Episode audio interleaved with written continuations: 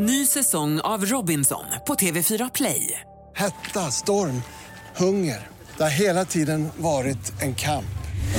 Nu är det blod och tårar. Fan händer just nu. Det. är Detta är inte okej. Robinson 2024, nu fucking kör vi! Streama söndag på TV4 Play.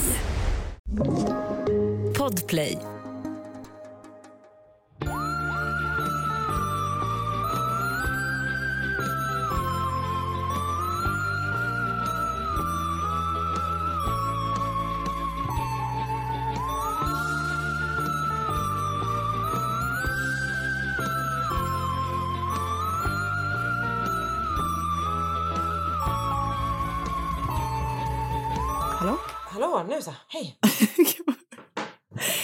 Är vi Ja, förvi- extra förvirrade förvirrade idag? starten. det är för att vi blev så vana av att sitta tillsammans förra veckan så nu är allting liksom som första gången igen. Hallå, hallå, hallå. hör du mig, hör du mig? Det var verkligen som två, två tanter i mobiltelefon. Så mysigt på något sätt. Ehm, att här är vi läget? även den här veckan, två tanter i din mobiltelefon. Ja, det är härligt ju. Ja. That's us. That's us. Ehm, nej men det är faktiskt, eh, det är toppen med mig. Det är det faktiskt. Gud vad härligt. Ehm, det vet ju du. Du är på ditt eh, nya landställe. Exakt, vi har hyr, fått hyra ett litet fritidshus som verkligen är mitt ute i ingenting. Och eh, typ att vi inte hade... Hallå? Hallå? Hör du mig? Ja. Var det ett skämt? Var det ett skämt? Ja, förlåt. Hallå? Kul skämt om det var. Okej, okej, Oskar trodde jag grät. Nej.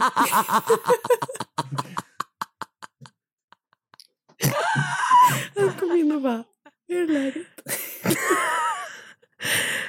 Gud, han trodde att jag hade mobbat dig till tårar. Verkligen. Åh gud Okej. vad roligt. Redo att svinga. hallå, hallå. Hallå, hallå, hallå. Jag, är, jag är på ja, landet. berätta om ert ljuvliga landställe. Men det är ju faktiskt helt sjukt. Alltså det är helt sjukt att så här, det- är att vi får vara här. Så känns det. Och vi hade typ inte Gud vad härligt. liksom förstått att vi fick det typ riktigt förrän vi var här och var så här, ah, nu får vi stanna här typ. Eh, och ingen, ah, det känns Vänta helt... bara tills någon slänger ut er. Och det kan vi de göra för vi hyr ju uppenbarligen. Men det. eh, vi hyr ändå tills vidare. Så att de kan slänga ut oss, känns men med, med liksom uppsägningstid i alla fall. Nej, så att jag känner mig liksom alldeles eh, tillfreds typ. Alltså jag känner mig så glad. Du vet, jag högg lite ved innan vi började. Krattade någon kratta, sådde lite gräs typ. Fan vad mysigt. Och sen ska vi grilla. Lammkorv som jag köpte från en gårdsbutik idag. Alltså, du hör ju. Du lever drömmen just nu. Det Alltså, jag hör ju jag. drömmen. Men eh, vi pratade om igår, typ att så här, vi kommer inte, det blir ingen så här, vi är inte direkt Kalle och Britta Zackari Wahlström. alltså vi är så dåliga Inte på än. allt. Alla måste ju vara nybörjare någon Nej, alltså vet du vad? Vi kommer le- dö nybörjare tror jag. På allt, på livet. Tror du det verkligen? Ja. Alltså jag kan inte påstå att jag har liksom, att jag kan något mer nu än vad jag kunde för ett tag sedan. Men det var ju för att det var igår ni började. det har du faktiskt rätt i. så jag tycker att du Okej, cut så det blir säsong slack. två om man säger. Då kommer jag Alltså liksom verkligen. vara lite bättre. Ge det i alla fall en helg till. Okej, bra. Ja, men bra. En lång helg till och med kanske. Men bra, Ja. men då eh, ser ni oss då i eh, SVT nästa år. Eller kanske på. Dplay för att ni kan ju inte Just vara det. på samma... Nej, men, men vi kommer vara på off, vi kommer vara off, off-brand, Kalle och eh, Britta Zackari Wahlström. Nice. Ja, ja, men men så det så känns... mysigt f- Ja, det, är- det blir väldigt mysigt. Hur mår du? Jag mår bra. Vi har haft en sån, eh, den stora fixarhelgen hemma. Eh, vilket har varit ganska mysigt. Vi har faktiskt haft väldigt mysigt. Du vet när man båda två är i fixartagen. När man Ja, och så fixar det. man saker tillsammans så känner man sig så himla nöjd med sig själv. Och sin partner. Exakt Och så. oss själva som Exakt. par. Liksom. Ja. Det har varit jättenice. Vi har liksom borrat saker. Eh, vi har, jag, har, eh, jag gillar ju att städa när jag har tid. Jag Okej. har storstädat. Jag har alltså putsat fönster. Nej. Jag har, du vet, dammtorkat alla lister i lägenheten. Alltså jag har gjort en sån riktig Wow. fullskalig städning. Mm. Eh, och jag har också inspirerat Sigrid till att börja städa, vilket känns jättebra för framtiden. Att vi kan göra sånt. Vad har hon städat? Hon har tagit en trasa och gått efter, men hon försökte ta en blöt trasa på våra väggar, vilket kändes sådär. Men det har gått jättebra. Och så har vi köpt lite saker som vi behöver hem. Vi har bestämt vad vi ska ha på vissa ställen och så här. Du vet, det bara känns som att vi har ehm, rört oss. Jag, jag lyssnade på P1 i morse och eh, Ja. jag tror att, du har, att ni har haft ett liksom väldigt så uh, svenskt nationaldagsfirande. För att det verkar som att det är just med fixande som folk gör på nationaldagen som det är idag. Okej, spännande. Vi pratade om det faktiskt idag i bilen när vi åkte till Tippen. Ehm, Ah, fan vad mysigt Sverige att åka till tippen göra- eller? Ja, och vi åker till den här som är eh, nere i ett berg i, liksom, mellan Norrtull och Roslagstull.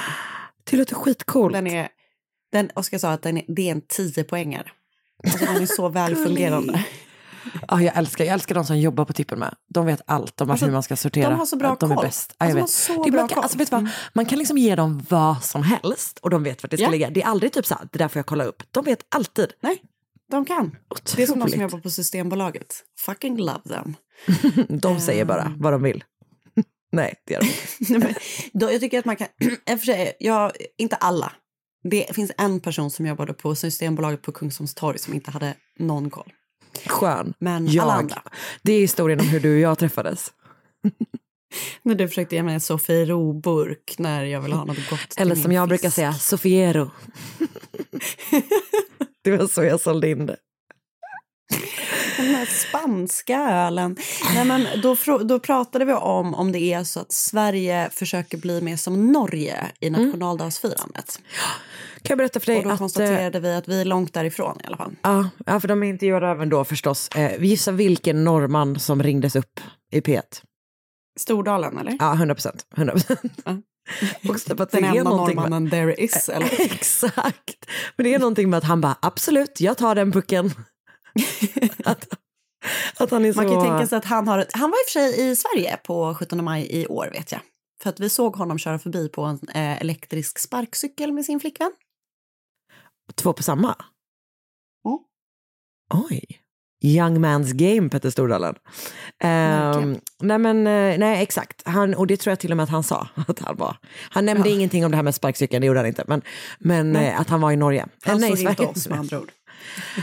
Han nämnde faktiskt att han såg en enormt vacker svensk kvinna på norsk, Ja. norska dagen. Eller han sa så här, hon var så vacker att hon nästan såg norsk ut. Ah, yes. Och det var du. Bästa komplimangen ever. Så, hon såg så frisk ut, som att hon precis hade varit på frisk tur Hon precis till ute på hytta. tur på hytten. Hon hade korset sig på hytta.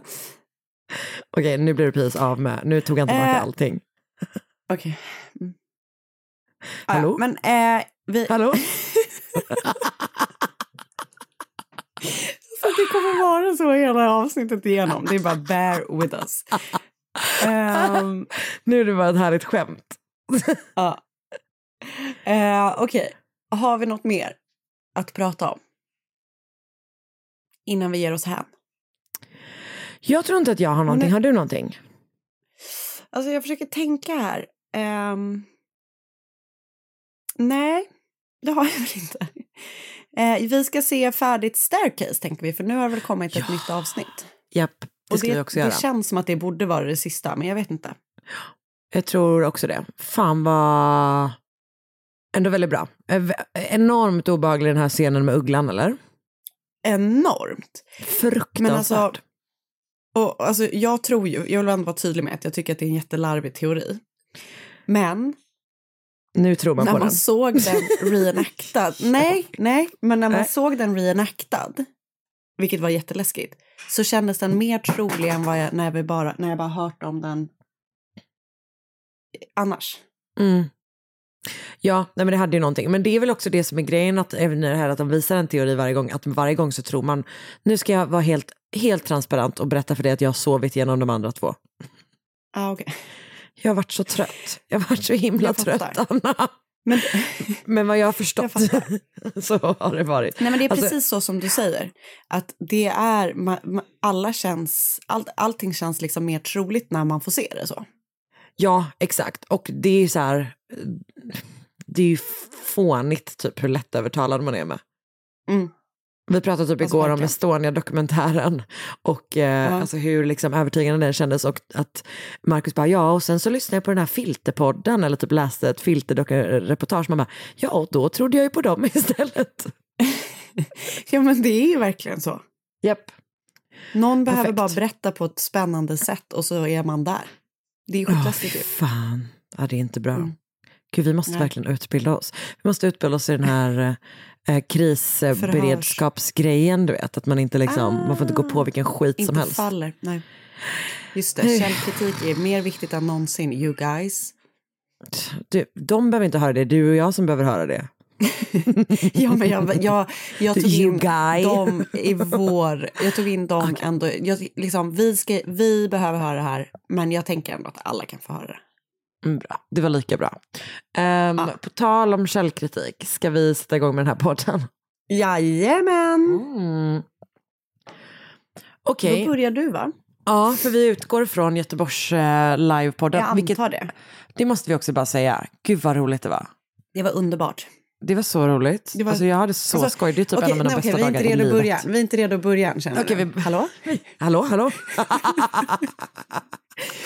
Nej, men, för det första, vilken underbar kväll vi hade på lördagen när det bara var du och jag. Japp, så mysig. Det var så mysigt. Det var Japp. länge sedan. Och sen, vilken underbar dag på Liseberg vi hade. Nej men. Alltså, en av de bästa dagarna i mitt liv.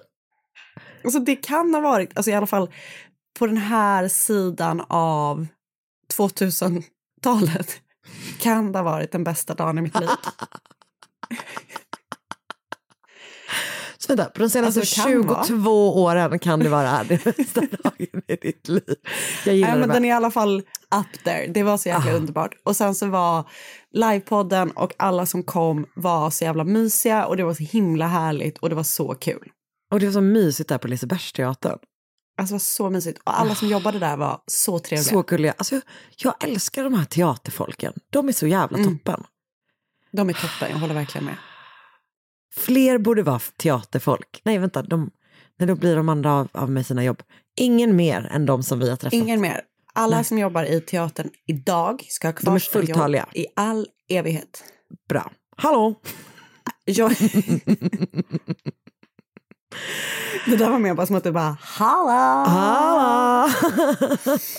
Okej, ja, men då har vi vi i alla fall vi sagt klara. det viktigaste i dagens avsnitt. Och då är det du som börjar med ditt fall. Ett poddtips från Podplay. I podden Något Kaiko garanterar östgötarna Brutti och jag, Davva, dig en stor dos skratt. Där följer jag pladask för köttätandet igen. Man är lite som en jävla vampyr. Man har fått lite blodsmak och då måste man ha mer. Udda spaningar, fängslande anekdoter och en och annan arg rant. Jag måste ha mitt kaffe på morgonen för annars är jag ingen trevlig människa. Då är du ingen trevlig människa, punkt. Något Kaiko, hör du på Podplay. Därför är gardinerna.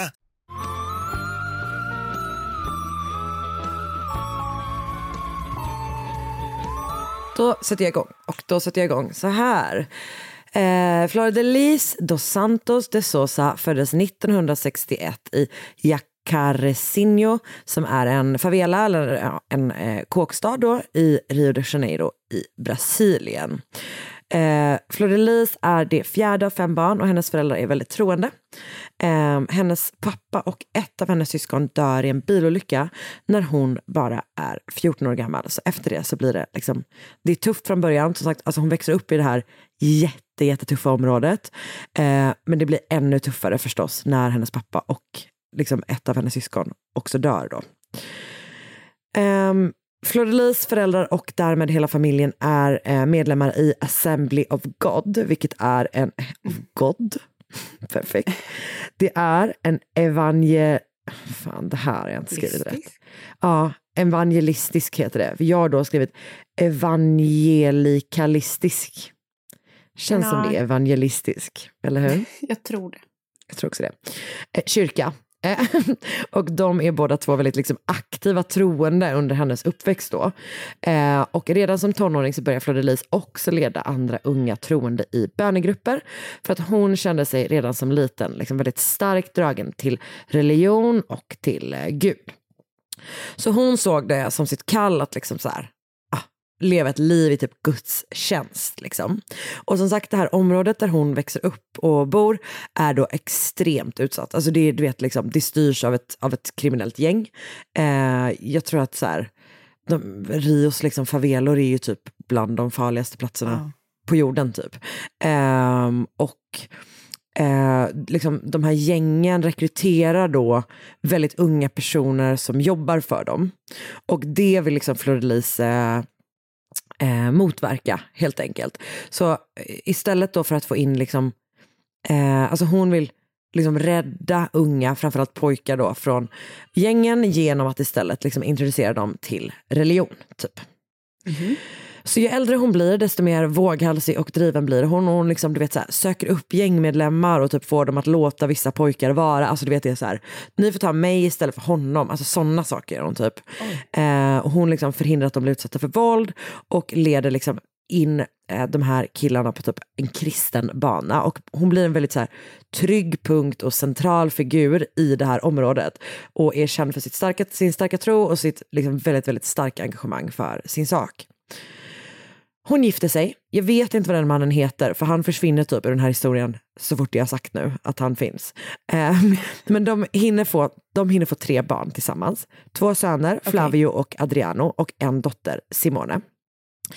Eh, men en kväll så är Fleur-de-Lis som vanligt ute och hjälper socialt utsatta människor i Jacarezinho när hon träffar en tjej som berättar att hon har fött ett barn eh, som hon sen har övergett på en öde tomt eftersom hon inte kan ta hand om det här barnet. Är det så fruktansvärt? Det var Eh.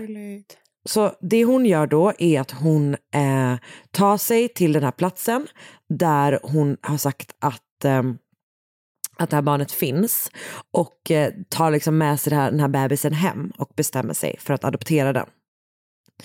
Okej. Och efter det så börjar hon liksom eh, helt enkelt ta in barn och typ så här adoptera barn som behöver och unga som behöver hennes hjälp.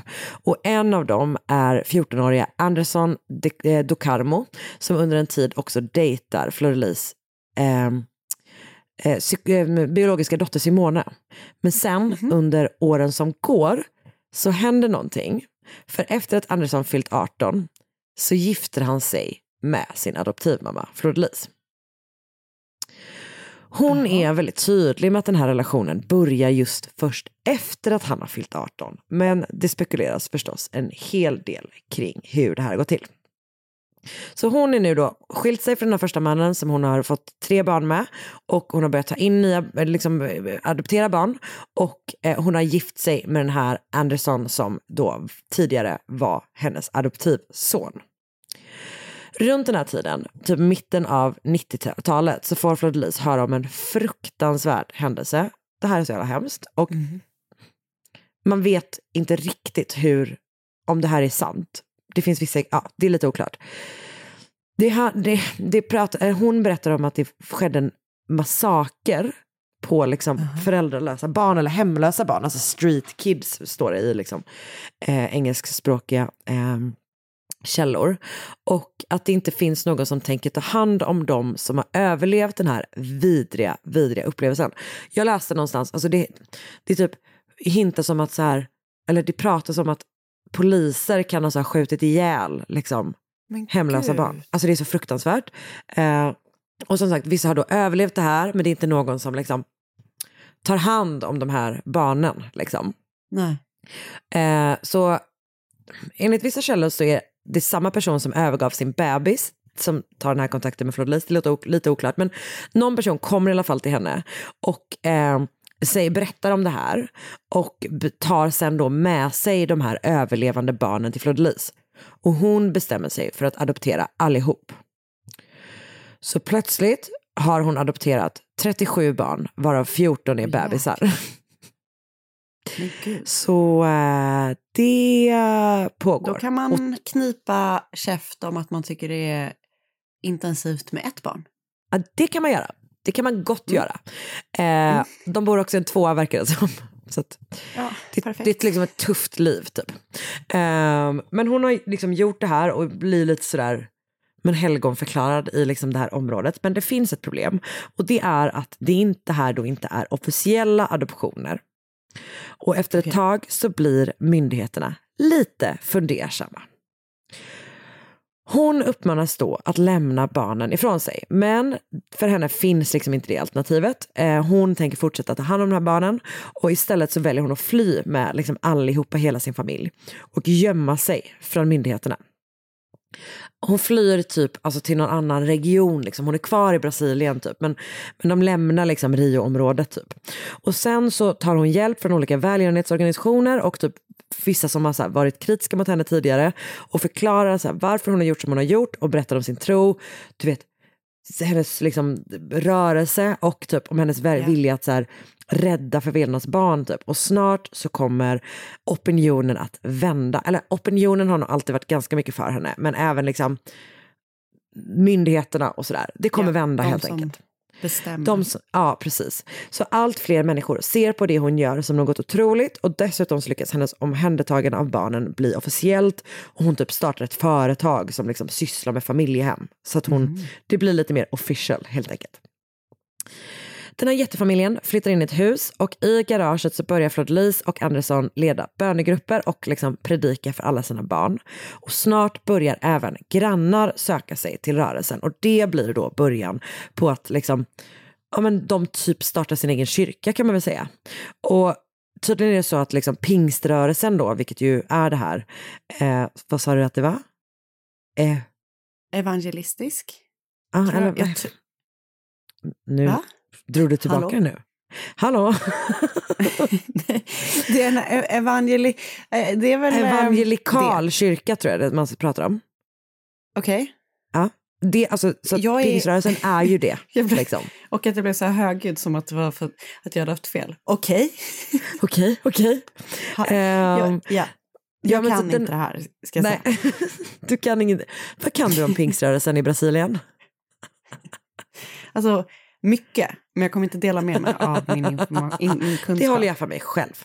Mm. Ja, men tydligen är det så i alla fall att pingströrelsen liksom har vuxit otroligt mycket i Brasilien och att den här typen av då evangelikal som, kyrka som, som de liksom startar, det har liksom etablerat sig ett gäng sådana och de startar då sin egen rörelse. Och är liksom otroligt karismatisk. Hon är väldigt trygg, väldigt omhändertagande och hon blir en superstark religiös ledare för kyrkan som de då väljer att kalla för Ministerio Flodilis.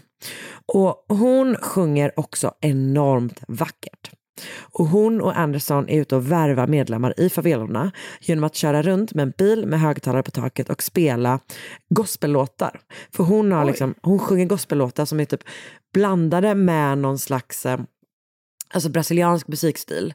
Och de har spelat in det och spelar liksom upp det då eh, från den här bilen typ. Mäktigt. Eller hur? Eh, och den här kyrkan växer och växer. Eh, men 2002 så får rörelsen sitt stora genombrott när Fleur-de-Lis och många av hennes typ nu då 40-tal barn är med i en av Brasiliens största talkshows. Så inte nog med att kyrkan får enormt många fler medlemmar av det här. Eh, Fleur-de-Lis typ helgonförklaras och kallar, hon, den här programledaren kallar henne för du vet typ så här hela Brasiliens moder typ. Alltså lite så. Ehm, och ehm, Dessutom så ser en filmproducent den här intervjun och hör hennes historia och bestämmer sig för att göra en film om hennes liv. Nej. Den heter Flor de Lis, Basta uma palavra para mudar, eller Bara ett ord till förändring, typ. Det verkar vara typ en riktigt cheesy historia, kan man säga. Eh, Jag läste någonstans att, det, att det var Brasiliens främsta såpaskådisar som Nice. starred in it. Så du kan ju tänka, tänka dig att det liksom är toppen. Det verkar också som att hon kanske typ är med i den själv. Okej. Och det gillar jag med. Eh, hur som helst, hon blir bara mer och mer känd och sen händer liksom nästa grej som är att hon då får skivkontrakt och börjar släppa skivor med sina gospelsånger på. Hon börjar känna svin mycket pengar på det här. Hon och Anderson kan verkligen så ge hela familjen ett, en bättre tillvaro. De köper nytt stort hus där de typ faktiskt får plats. De kan satsa på ytterligare på kyrkan. De startar sex kyrkor och får liksom tusentals följare. Hon blir också ganska så här, hon är typ ganska stor i sociala medier för nu är vi inne på 2000-talet liksom. Det. Eh, och hon reser till Europa, hon reser till USA och typ så sjunger på olika mässor och så. Alltså hon blir verkligen en big deal inom den här rörelsen typ. Och dessutom så fortsätter hon Anderson att ta in barn som behöver hjälp och till slut har hon typ 55 barn. Jäklar. Det är så många barn. Alltså det är så jävla många barn. Ja. Men hon börjar ju ta in barn typ i mitten av 90-talet så ganska många, de har hunnit bli ganska stora och typ kunna hjälpa till och sådär. är Men ändå. nu. Ja, exakt. Och typ har flyttat ut och så med. Men hon har ändå 55 barn. Det är för många barn. Jag vill ändå sticka ut hakan. Vad säger du? Alltså, jag tycker att eh, fem barn tycker jag låter mycket. Alltså jag tycker Lägg till allting, 50. ja, verkligen, alltså allting som gör att man måste skaffa sig en sån, alltså en större En bil. buss. Ja, vet. exakt. Allt Det är över många. tre är mycket. Ja. Ja, verkligen. Tre är mycket. Jag- 55 barn. Tre. Okej, så åren går. Men till slut 2018, alltså, så är det liksom dags för henne att ge sig in på en ny bana. För hon får då en uppenbarelse från Gud. Han vill att hon ska ge sig in i politiken. Ah. Och vad liksom brasiliansk politik eh, har man ju typ ändå hört en del om de senaste åren. Lite. Ja, men det är ju att det finns en liksom väldigt så konservativ liksom, Ja. rörelse. President Bolsonaro är, har ju gjort sig känd som klimatförnekare och typ Lite av en tok. homofob. Liksom. Put it, ja, och, put it exakt. mildly. Eh, det var ju mycket typ under covid-19 typ, att han eh, var ju väldigt eh, tveksam till den sjukdomens existens kan man säga. Ja. Så den här då, liksom, politiska rörelsen det ger hon sig då in i och hon representerar Partido Social Democratico, ett parti som, alltså, du har ju uppenbarligen att det låter som Socialdemokraterna, verkar ha ganska splittrade åsikter eh, kan man säga.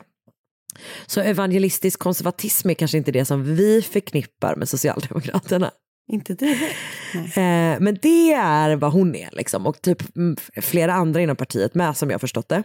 Eh, så hon driver frågan om att det ska vara lättare att adoptera förstås.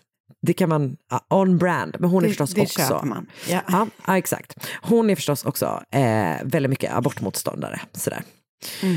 Hon, spelar, hon bestämmer sig då så här, nu ska jag liksom run for office. Och hon, bestämmer, sig- eh, hon eh, spelar in en vallåt som förstås blir en stor hit eftersom hon är en great recording artist.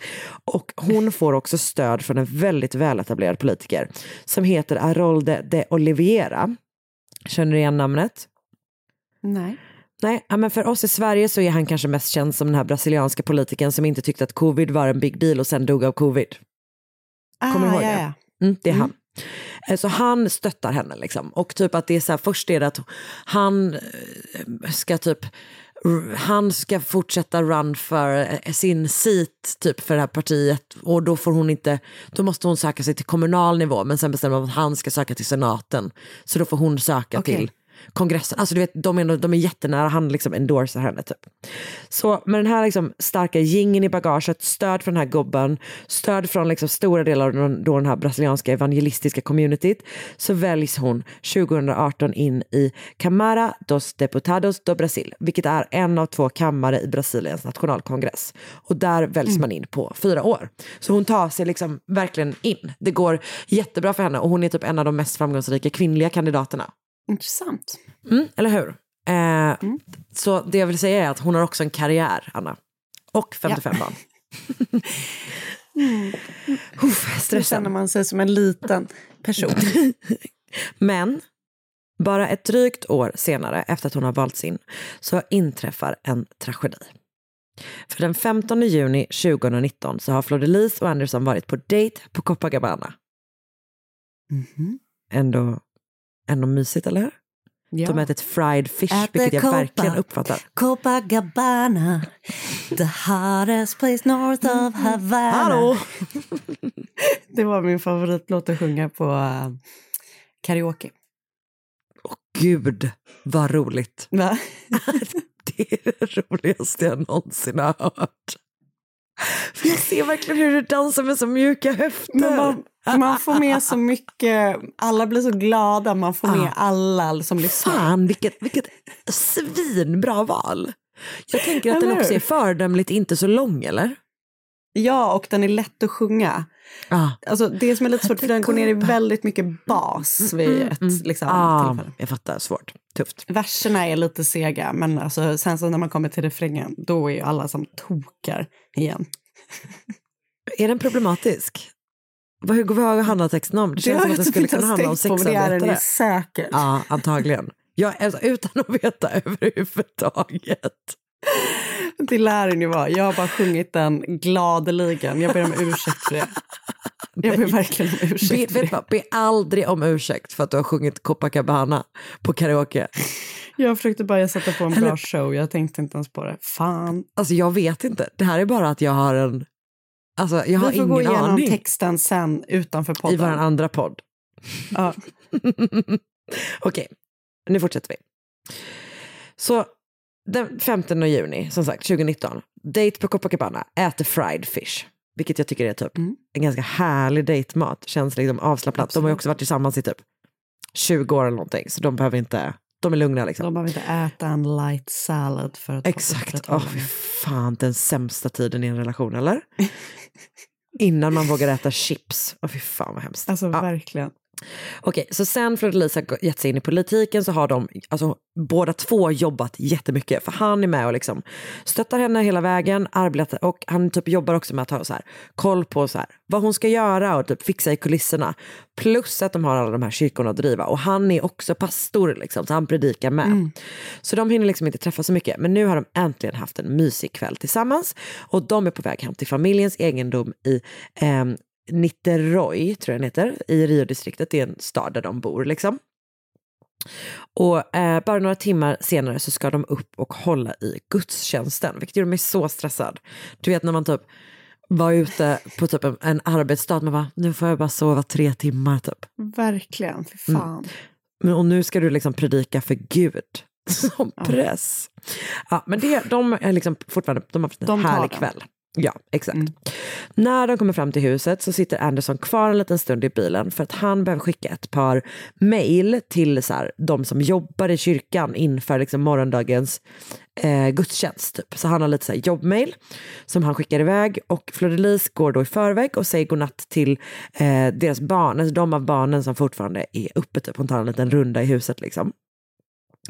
Men plötsligt hörs pistolskott från uppfarten. Och när Florelis förstår var de kommer ifrån så försöker hon liksom ta sig ut till bilen, men hon hindras av sina barn. För ute i bilen sitter Anderson de Cormo kvar, svårt skottskadad. Några av barnen kör i ilfart med honom till närmsta sjukhus, men det är för sent. Anderson är redan död. Han har blivit skjuten med 30 skott. Jäklar. Så Anderson de Camo träffade som sagt de Lis som 14-åring. Han föddes 19 1977. Jag kan säga det finns ganska lite information om hans bakgrund typ. Men han var då ett av de här första barnen som liksom flyttade in hos henne. Och han kom som sagt liksom från en väldigt tuff bakgrund men hittade ett hem där. Och efter att han och Fleur de Lis gift sig så fick han en framträdande roll inom hennes kyrka och i hennes liksom, affärsverksamhet. Bland annat så står han som producent för den här filmen hon gjorde. Eh, så att han är liksom med på IMDB som producent. Eh, Ja. Men det finns, alltså han är ändå så, alltså en så framträdande roll i der- deras kyrka att så här, de har liksom två troner i typ deras här, största lokal typ, där de sitter tillsammans sida vid sida. Och han är som sagt Nice. också så här, pastor, pastor och predikar ändå. Eller nice. En tron. Nice. En tron. Skulle du vilja ha en tron? Nästa gång vi livepoddar. Tron? Gärna. Tron? Hallå? Gärna. Hallå. De har liksom varit tillsammans väldigt länge och är en så stor inspiration för deras följare. Alltså, deras par är liksom central för den här eh, kyrkan. Liksom. De är så starka tillsammans och, och hjälps åt väldigt mycket. Och, så. och han är liksom mannen och hjärnan lite grann bakom hennes politiska karriär med. Alltså han är du vet, med och är lite så strateg typ. Men han är också main man i familjen, du vet bestämmer över pengar, över hur ska, hur det ska funka med barnen med så. Så att de är väl ett riktigt så power couple helt enkelt. Christian style power couple. Eh, och de skulle leva tillsammans för resten av livet. Men den 16 juni 2019 så mördas alltså Anderson utanför deras hem. Ett par dagar senare begravs han. Det är stor uppståndelse, det är jättemånga där. Och, men när Fleur kommer dit så liksom delar sig människohavet som, du vet, när Moses delade havet. Eh, så här, från liksom hennes bil till hans kista typ. Och hon så här, går fram och du vet, gråter vid hans kista. Hon har så stora svarta glasögon på sig. Hon är så omgiven av alla sina barn. Eh, och på vägen därifrån så är det totalt trafikkaos. För det är så himla mycket folk där. Men det blir inte en mindre kaosig stämning när polisen tvingar bilen där Fleur sitter att köra in till vägkanten och stanna. Och sen griper de Fleur biologiska son. Flavio dos Santos, för mordet på Anderson. Okej, Mm. det visste jag inte. Du har inte tänkt på honom på ett tag?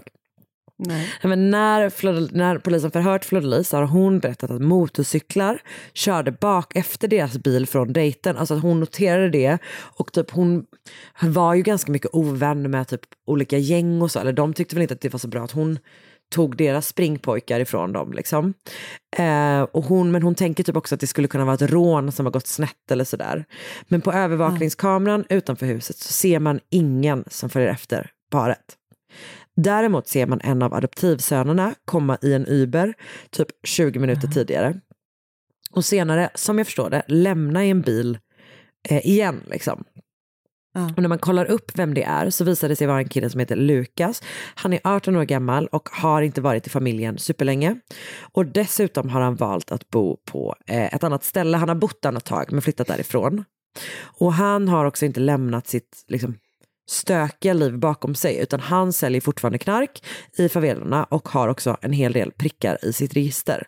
Så polisen eh, plockar in honom på förhör och först säger han, alltså det här är ändå så starkt hur Ja, vänta, jag, nu säger jag det först.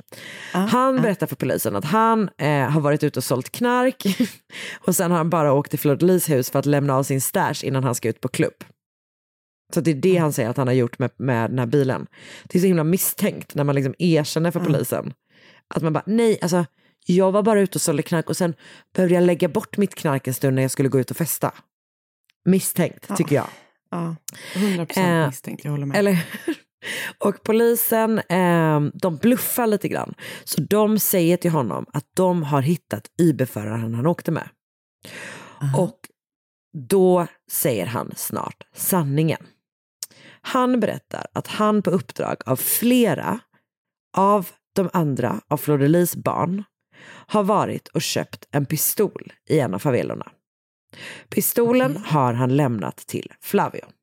Och det är Flavio som sen har skjutit Anderson och det är därför de griper honom på väg från begravningen. Man gör en husrannsakan, egentligen för att man vill hitta både Anderson och Flavios mobiltelefoner för att de är liksom putsväck typ. Men Ja. man hittar istället något annat. För i Flavios garderob så ligger mordvapnet. Okej, Här kommer en konstig detalj om mordvapnet. spännande. Det har eh, av någon outgrundlig anledning ett könshår på sig. Ett könshår som visar sig komma från Flavio. Okej. Jag vet inte vad det betyder. Och jag är inte säker på att jag vill veta. Jag vill. Okej. Eh, eh, hur stort är det här hålet med avtryckaren? Okej, jag ändrar mig. Jag vill inte. Du kan man inte hantera sanningen. Nej. Eh, Okej, nu går vi vidare. Okej, fortsätt. Snabbt. Det har könshår på sig. Samtidigt, ehm, samtidigt som det här pågår så har polisen blivit kontaktade av två andra söner till Lis och Anderson. Och de har något att berätta. De säger att familjen försökt döda Anderson i ett års tid. Och att de har gjort det på uppdrag av de Lis. Nej, vis- det visste jag. Jag visste Ja. det. Jag förstod att det var det du syftade på innan, att du visste.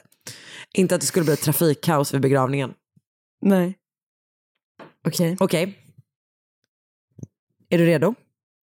Jag är helt 100% redo. Mm, bra. Så anledningen ska då vara att Fleur-de-Lis har tröttnat på att han liksom försöker styra allting. Han typ så här, kontrollerar familjen, han kontrollerar pengarna och han tycker då, eller du vet så här, han kontrollerar hennes karriär. Hon är less på det. Samtidigt kan de ju inte skilja sig eftersom hon är ett helgon. Så Såklart. sedan 2018 så har ett antal familjemedlemmar varit liksom delaktiga i ett helt gäng mordförsök på Anderson. Där de har använt sig framför allt av gift. Och jag tror, alltså han har varit på sjukhus sex gånger för att han har blivit förgiftad. Liksom. Oj. Men han har aldrig dött. Och typ vid något tillfälle så är det så här, de har försökt ligga i bakhåll men han har typ kört en annan bil. Det har, varit, det har liksom pågått i ett års tid. Och till slut ska då Florilis ha sagt att så här, det krävs kulor för att få död på honom. Typ. Polisen börjar också typ höra sig för om an, från liksom andra barn, eller du vet, nu säger jag barn, men många är, av dem är ju som sagt vuxna, typ. Eh, om just hur det har varit eh, liksom, att växa upp med henne. Och det har ju inte varit liksom sådär otroligt som det har målats upp typ. Utan det Nej. finns ju vissa tydliga så, sektliknande tendenser. Du vet hur man till exempel isolerar från Alltså vissa har ju haft biologiska familjer som de typ kanske har lämnat när de varit 14 och sen uppmanats att så här, inte få ha kontakt med dem. Eh, Det har funnits vissa, vissa menar att de har ägnat sig åt att liksom, du vet lite så ritualistiska, e- exorcistiska, ehm, eh, den typen av, vad ska man säga? Ja, du fattar. Hen- eh, Praktik, praktiker kanske, ja. ritualer. Mm. Men lite så, liksom, den typen av, av, av händelser. Men det är också så att typ, ganska många av dem har liksom inte, för att hon har haft så många barn så har hon bara skickat vidare ansvaret för dem i du vet, hierarkierna typ. Så att Mm. många barnen har ju typ ingen relation till henne utan de har blivit tilldelade ett annat barn som är typ deras förälder. Du vet, det finns en sån historia om någon som bara, jag fick min mens typ och då fick min storebror typ prata med mig om vad det var. Ja. Alltså, det har väl blivit en del typ av hennes varumärke och hennes karriär att hon har hand om alla de här barnen. Men det har förstås liksom inte varit toppen hela tiden typ. Utan det har Nej. varit ganska tufft sådär. Ehm, men det som händer sen är att polisen kommer att häkta jag tror att det är fem av Fleur-de-Lis barn, bland annat då Flavio, Lucas och hennes biologiska dotter Simone, om du minns.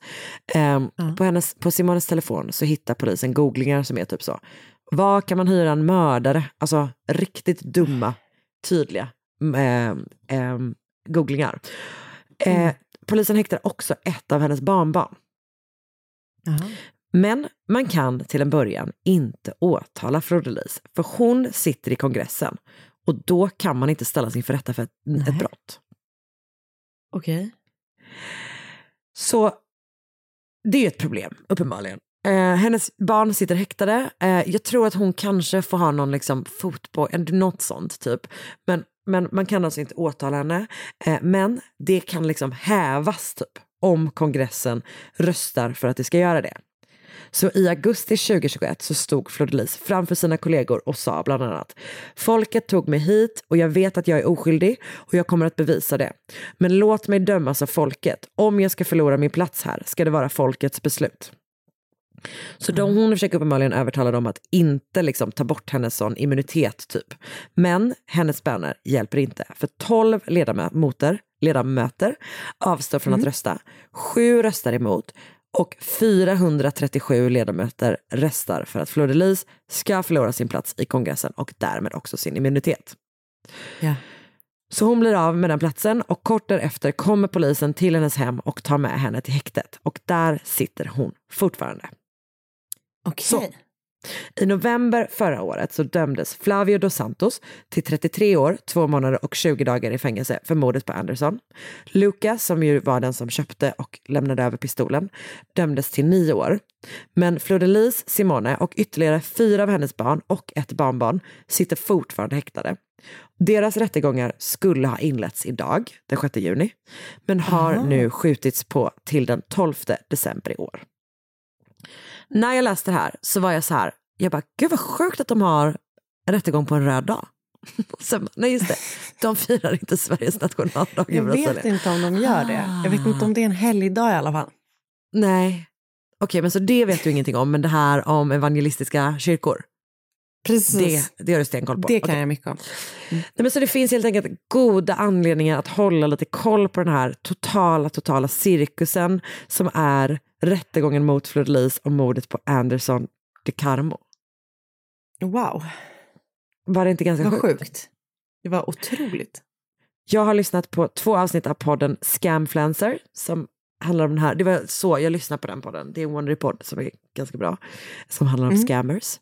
Eh, och typ bara alltså, lyssn- slentrianlyssnare och det här är deras senaste avsnitt så att jag hoppas inte att inte för många av våra lyssnare också lyssnar på den. Sen har jag läst en long read på New Yorker skriven av John Lee Anderson, eh, ett par olika artiklar på BBC. Jag läste på typ en sajt som verkar vara från domstolen i Rio de Janeiro som handlar om den här uppskjutna rättegången. Och sen har jag också förstås hängt på ett gäng olika Wikipedia-sidor. Det var det. Spännande. Anderson de Carmo. Ja, eller hur? Väldigt, Eh, väldigt spännande. Väldigt intressant värld på något Ja, sätt. Måste man ändå Eh, säga. Ja, eller hur? Mm, tack för att du ville vara med. Tack för att jag fick vara med. Poddtips från Podplay. I podden Något Kaiko garanterar östgötarna Brutti och jag, Davva, dig en stor dos skratt. Där följer jag pladask för köttätandet igen. Man är lite som en jävla vampyr. Man har fått lite blodsmak och då måste man ha mer. Udda spaningar, fängslande anekdoter och en och annan arg rant. Jag måste ha mitt kaffe på morgonen för annars är jag ingen trevlig människa. Då är du ingen trevlig människa, punkt. Något Kaiko, hör du på Podplay. Därför är gardinerna.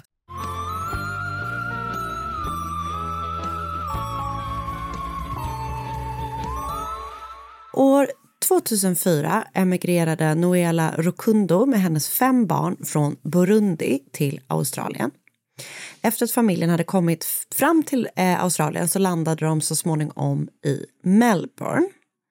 När Noela då med familj kom till Melbourne så tog hon kontakt med något så här, någon organisation som hjälpte nyanlända att etablera sig i sin nya stad.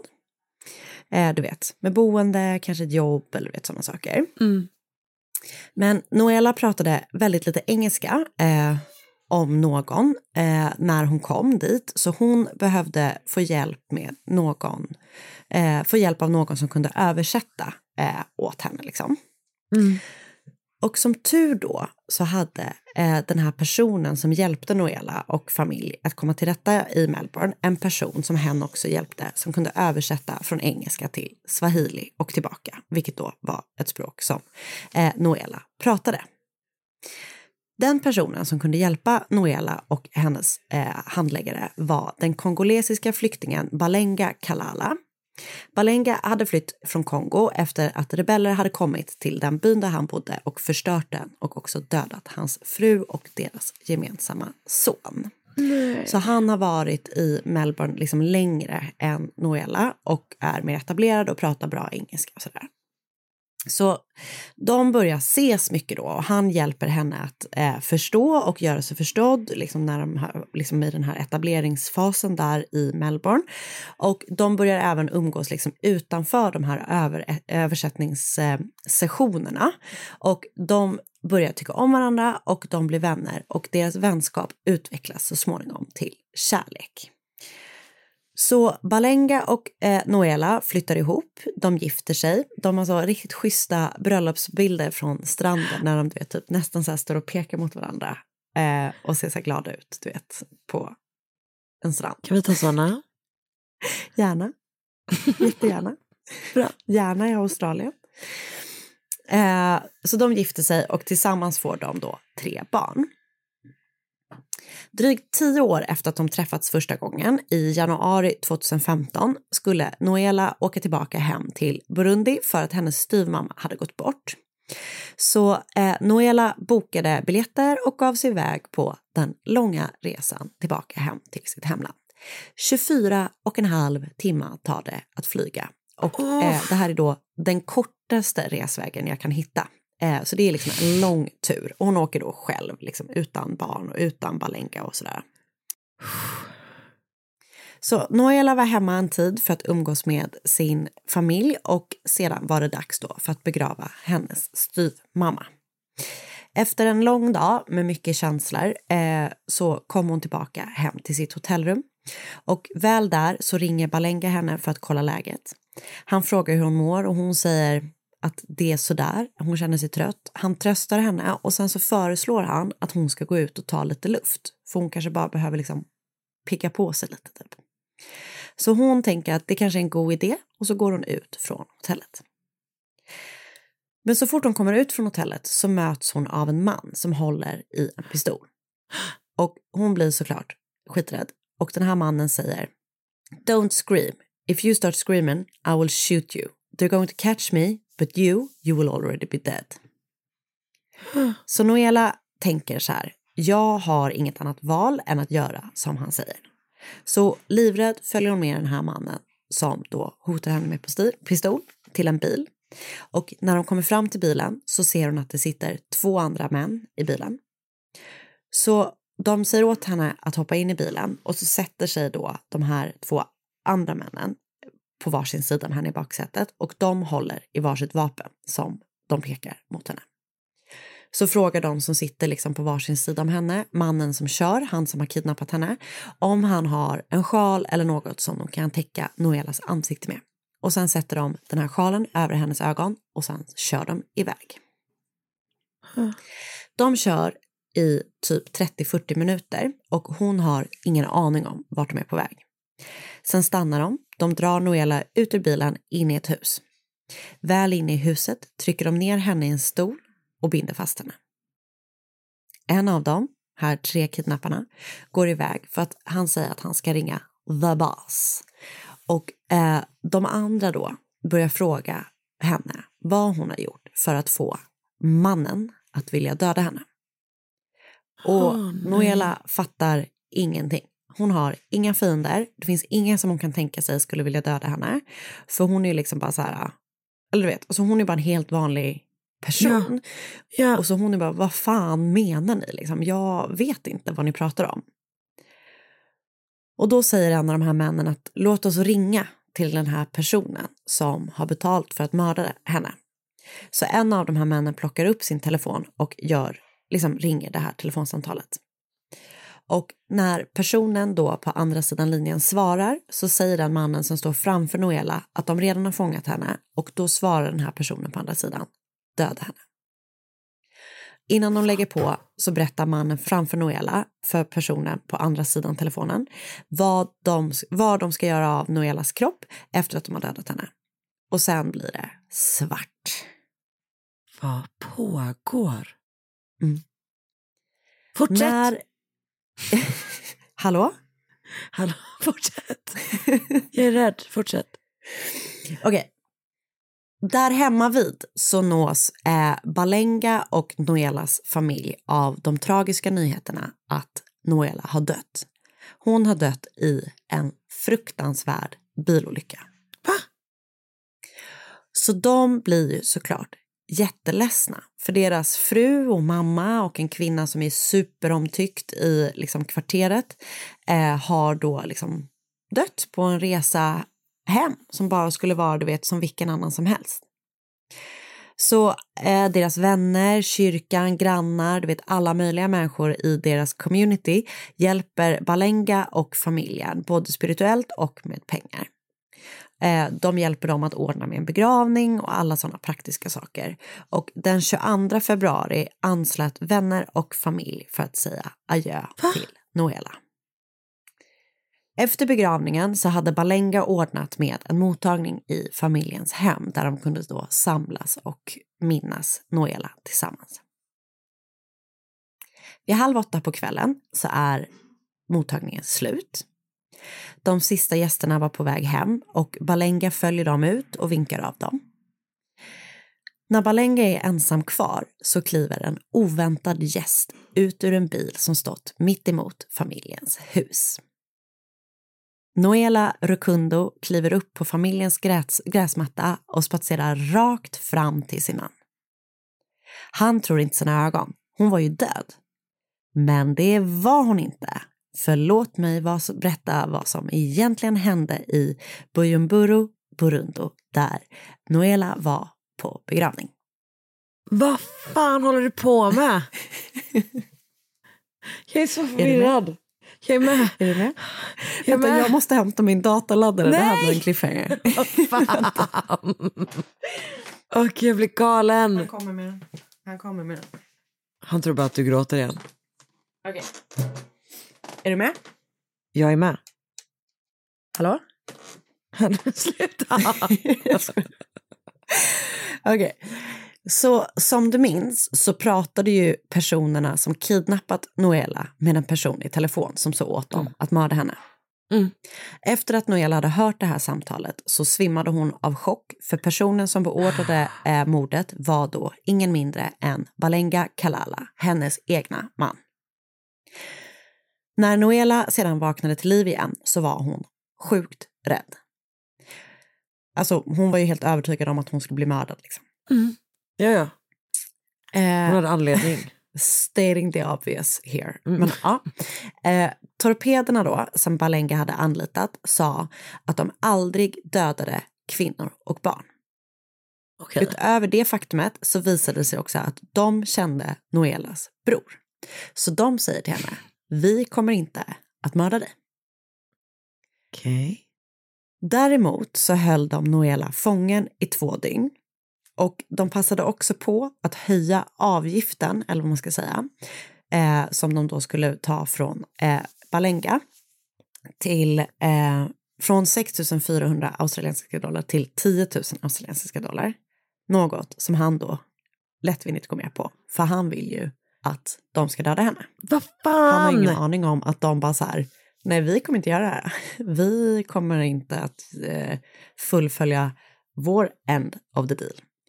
För vi känner hennes bror.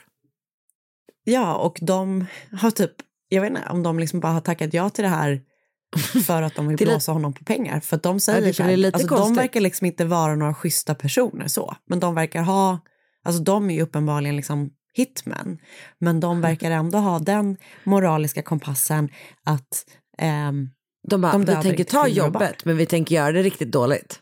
Ja, vi tänker ta jobbet, vi tänker ta pengarna men vi kommer inte utföra jobbet. Det är som en sån hantverkare typ. Fast de gör jobbet efter ett Det är tag. det är bara för att jag är arg nu för att våra hantverkare inte dyker upp. Förlåt, jag menar inte att säga så. Nej. Det är bara för att jag känner mig lite frustrerad här hemma vid. Och vet du vad, det här är den bästa sortens hitman jag någonsin hört talas om, det vill säga de som inte gör jobbet. Absolut, så glöm vad jag sa. Det här var jättebra. Glöm vad jag sa. Jag trasslar in mig för mycket. Okej, men då. ehm, så efter två dygn i fångenskap släpper de då Noela i en vägkant. De säger åt henne att hon har 80 timmar på sig att lämna landet och det är bara då så här, de kan inte garantera hennes säkerhet framåt. De, vet, de kan ju säga så här, vi kommer inte mörda dig, men vi kan inte garantera att ingen annan kommer göra det. Typ så. Eh, fair enough. Så de säger så här, du måste lämna inom 80 timmar. Och innan de lämnar henne så ger de henne bevis mot Balenga som då skulle hjälpa henne att bevisa då såklart att styrka att han har betalt för att få henne mördad. Så bland annat får hon kvitton då som visar på pengaöverföringarna som han har gjort och så får hon ett minneskort där de har spelat in telefonsamtal med Balenga när han liksom gör orden så att säga. Men gud! Ja. Jävlar, de är verkligen, de kommer inte få en bra sån Trustpilot-recension från Balenga sen. Det kommer alltså. de inte. Men jag tycker det är så jäkla... Det är verkligen så här, the player becomes the played. Verkligen. Eller något. Verkligen. Jag gillar det. Att de bara, De att bara de bara vill, ha, vill ha printscreens på swishbetalningen? Ja, det läser vi. Läser vi. Men så när de då har släppt henne så ringer hon direkt till sin pastor hemma i Melbourne och sen så ringer hon både den kenyanska och den belgi- belgiska ambassaden i Australien. Alltså. Jag kan inte prata. Bra. Tight. hemma i Australien för att berätta om den prekära situationen hon befann sig i och för att be om hjälp. Sen börjar då den här jättelånga resan tillbaka hem till Australien för att överraska, eller vilket ord man vill välja, sin man på hennes egna begravning. Alltså, förlåt, men jag älskar henne. Alltså det är så jäkla nice. Alltså att hon satt utanför och väntade och väntade och väntade i en bil. Alltså, jag vet. Det är Uff. underbart. alltså tänk vad man skulle planera vad man ska säga i huvudet. Ja, och dit kommer vi nu.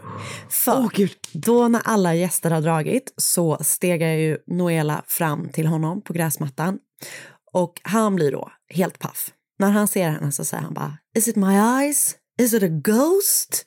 och så gick han fram för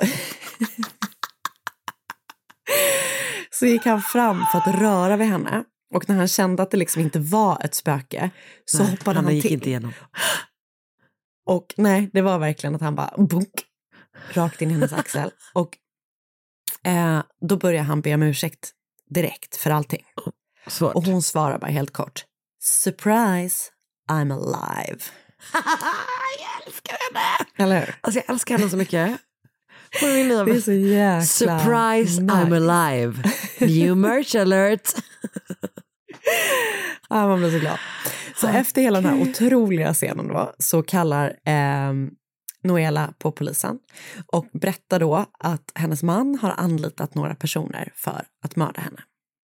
Så de kommer ju och plockar in Balenga som då förnekar det hela när han grips. Han säger att han är helt oskyldig trots då alla de här bevisen som torpederna hade försett Noela med mot honom. Liksom. De är ju starka skulle jag väl vilja säga. Det får man Och säga. han då säger att han är helt oskyldig.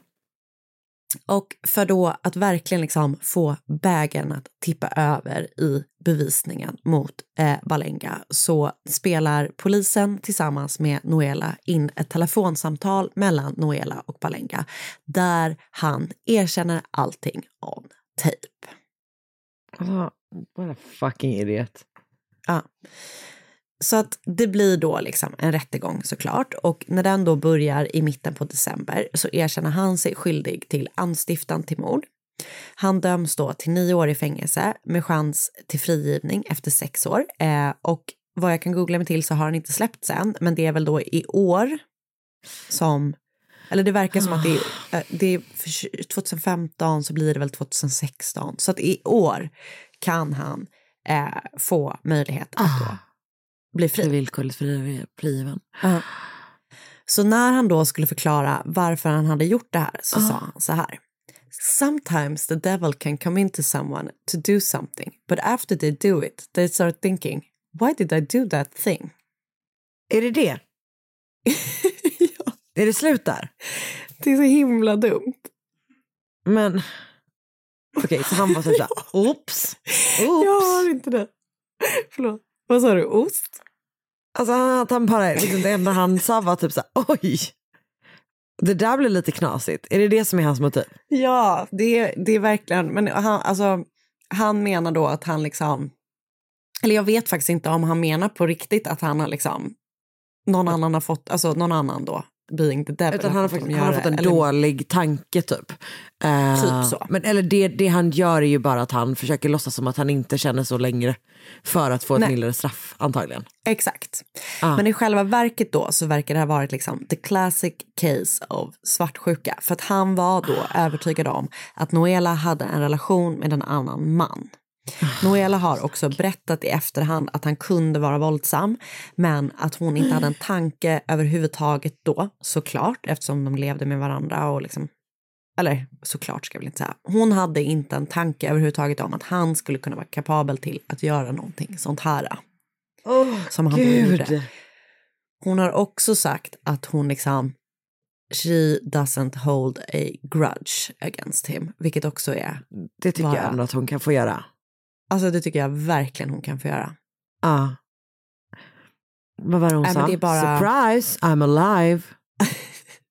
men frågan är vilken betoning Alltså- man själv har använt. Okej, om, om du tänker att du ska så här. Du, du kliver fram där över gräsmattan. Hur säger Ja. du det? Ho, ho. Oh my god, Nej, påminn mig om att aldrig att du aldrig ska få överraska någon med att du lever. Hoho. Jag skulle säga I'm back bitches. Men om du bara får säga, du måste säga hennes line. Jaha. Men hur levererar du den? Jag, jag trodde att jag fick säga vad jag själv skulle säga. I'm back bitches! Då skulle jag säga surprise, I'm alive. Jag gillar den. Hur skulle du säga? Att det är liksom sjungit båda två men att du tar två olika toner väldigt bra. Surprise! I'm alive! Det skulle jag säga mer sassy. Ja, exakt. Jag gillar Eller kanske så här, kanske en kombination. Surprise! I'm alive! Ja, den var bra. Den var jättebra. Ja, bra. Ja, bra. Mm. Vi kombinerar våra krafter. Mm, Bra. Okej, hoppas Okej, att... så eh, att- Wow. Ja. Ja, så det var liksom det. Det är the case of the woman who crashed her own funeral. Eller Älskar henne, hon är så fucking Alltså, mäktig. det är amazing. Okej, så jag har läst The Shocking Story of Noela Rocundo, The Woman Who Crashed Her Own Funeral på All That's Interesting av Erin Kelly. Jag har läst Wife Crashes Her Own Funeral horrif- Horrifying Her Husband Who Had Paid to Have Her Killed på Washington Post skriven av Sarah Kaplan. Lite olika Wikipedia-sidor och sen så har jag läst Balenga Kalala gets nine years in jail for paying African kidnappers to kill his wife på The Age skriven av Rus- Mark Russell. Och sen Woman confronts husband at her own funeral after he hired hitmen to kill her på CBC News. Och sen så inget mer. Wow. Vilken jävla historia, eller? Ja. Alltså jag blev Det där var så helt sjukt. glad. Jag älskar henne. Alltså snacka om, snacka om liksom lång näsa uppåt till tusen på Balenga. Alltså in, innan man ens liksom, man ringer inte ens poliser innan. Nej. Bara för att försäkra sig om att man ändå ska få göra sin grand Alltså, ex entry. exakt. Det enda jag själv hade jag nog ändå gått in under begravningen. Jag tror också jag hade gjort det, för jag hade velat mer publik. Ja, och typ som en säkerhetsfråga. Men kanske Ja. typ att hon var rädd att, alltså hon kanske typ hade en mormor med dåligt hjärta. Till Typ. exempel. Alltså verkligen. Man får nog vara lite försiktig med menar jag. Ah, Men man hade ju velat alltså. verkligen sätta dit honom. Jag hade velat gå in för att få mer publik för att verkligen göra det så sjukt Ja, pinsamt för Japp, honom. japp, jag håller helt med. Mm. Ah, wow, vilken jävla historia. Tack snälla du. Ah, det måste jag säga. Och Uff. det har ju varit lite, det har varit lite dålig täckning här. Det, så det var lite, eller jag har ju hört dig lite till och från. Så att om det är någon, någon konstig reaktion här på slutet när jag sa ost och sånt så tror jag att det var för att du sa oops och så. Vi kan ju bara säga det. Ja, ah, just det. Du trodde att jag sa ost när jag sa ups. Jag hörde inte. Ost! Ha, hallå? Men som vanligt var det underbart. Det var det. Vi hörs nästa Och vecka. Vi hörs igen om en vecka. Ja, det gör vi. Hej då! Hej då! Ett poddtips från Podplay. I fallen jag aldrig glömmer djupdyker Hasse Aro i arbetet bakom några av Sveriges mest uppseendeväckande brottsutredningar. Går vi in med hemlig telefonavlyssning och, och då upplever vi att vi får en total förändring av hans beteende. Vad är det som händer nu? Vem är det som läcker? Och så säger han att jag är kriminell, jag har varit kriminell i hela mitt liv men att mörda ett barn, där går min gräns. Nya säsongen av Fallen jag aldrig glömmer på Podplay.